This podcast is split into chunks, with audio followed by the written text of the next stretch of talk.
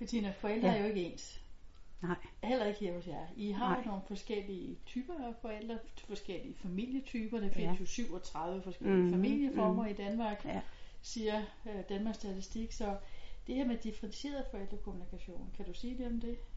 Ja, altså vi har øh, her talt ind i det, fordi vi kan ikke behandle alle ens.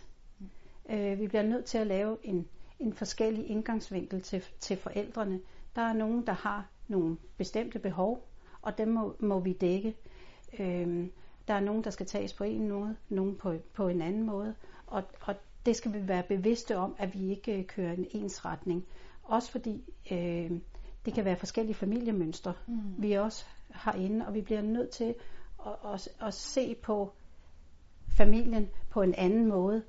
Øh, så øh, jeg vil mene, vi differentierer øh, hver dag i, i arbejdet med, med forældrene Mm. for at imødekomme deres behov.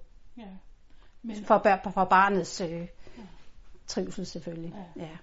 For jeg tænker, det der kunne være muligt for den ene familie at lave sammen med barnet derhjemme, er måske ikke muligt for Nej. en enlig mor, som Nej. ikke har Nej. de samme Nej. øh, tid og samme Nej. ressourcer, eller modsat. Ja. Ikke? Ja. Så, så det, det er klart, det, det kan være noget, der Ja. skal tages hensyn til. ja, Mm. det er der. Mm.